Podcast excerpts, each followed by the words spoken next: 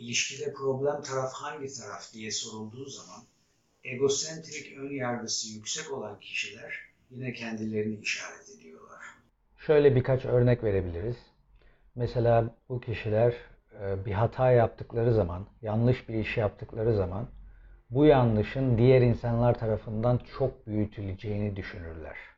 Ve böylelikle yaptıkları hataya çok fazla değer biçerler. Diğer bir taraftan iyi bir iş yaptıklarında ve iyi bir sonuç aldıkları zamanda da kendilerini insanların kahramanı ilan ederler. Peki neden egosentrik ön yargı diye bir olgu var? Neden hayatımızda, neden bazılarımızı etkiliyor? Öncelikle şunu söylemeliyim. Belli bir dereceye kadar egosentrik ön yargı hepimizde var. Fakat belli bir derecede insanları rahatsız etmiyor. Belli bir dereceyi aştıktan sonra bazı insanları rahatsız edebilir.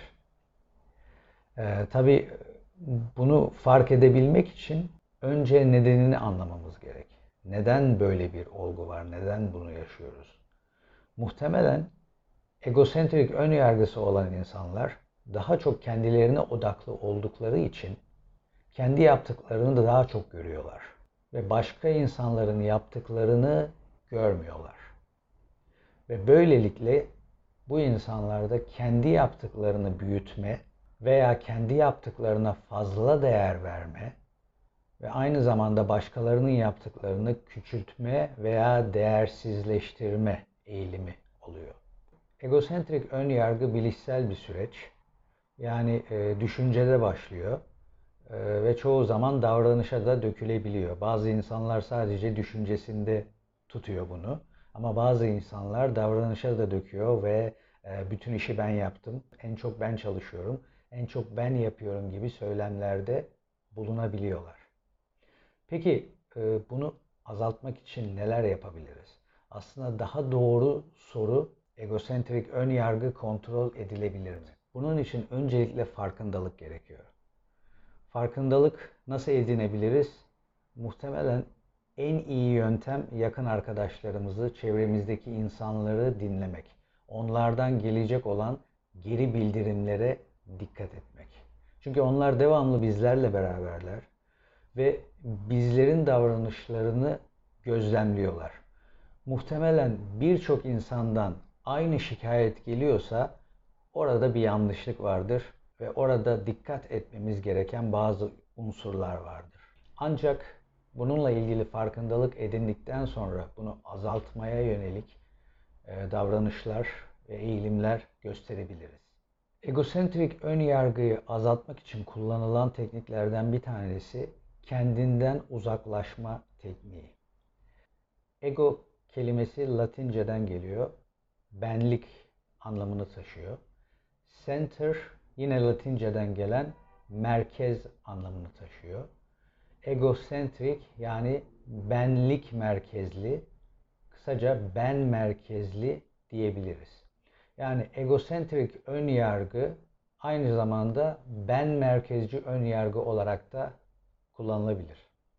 Kişilerde ben merkezci ön yargı olduğu için kişinin merkezini kendinden kaydırmak en önemli yaklaşımlardan bir tanesi. Bunu nasıl yapabiliriz? Bunun için bazı teknikler var. Mesela kişi ben yerine yani birinci tekil şahıs yerine ikinci tekil şahısı kullanıyor. Sen. Yani cümlelere senle başlamak. Neden böyle yaptın? Neden böyle düşünüyorsun? Bu düşüncen doğru mu? Neden bu şekilde davrandın? Davranış şeklin doğru muydu?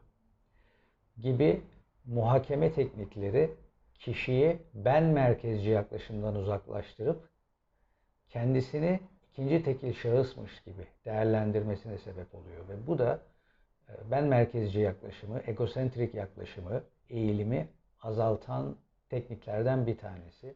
Bir diğer teknik ki bence daha kuvvetli bir teknik, karşı tarafın bakış açısını savunma tekniği. Bunu biz psikoloji eğitimlerimizde de yaparız. E, derslerimizde de e, uyguladığımız bir tekniktir. Mesela bir sınıf düşünün küçük bir sınıf olsun, 20 kişilik bir ve sınıftaki 20 kişiyi rastlantısal bir şekilde A ve B gruplarına ayırdığımızı düşünelim. Bu kişiler e, bir tartışma yapacaklar fakat tartışmanın konusunu bilmiyorlar. Bunu öğretmen belirliyor ve aynı zamanda tartışmada hangi tarafı savunacaklarını da bilmiyorlar.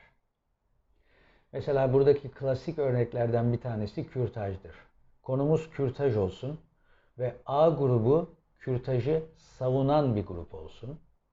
Yani dolayısıyla A grubuna düşen insanlar normal gerçek hayatta kürtajla ilgili ne düşünüyorlarsa düşünsünler. A grubunda oldukları için kürtajı savunacaklar.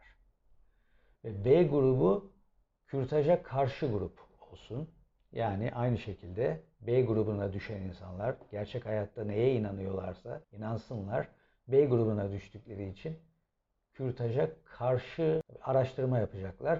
Karşı kanıtlar veya kanıtlar bulacaklar ve kendi savunmalarını yapacaklar. Mesela siz kendinizden pay biçin. Diyelim ki gerçek hayatta kürtaja karşı bir insansınız. Fakat A grubuna düştünüz.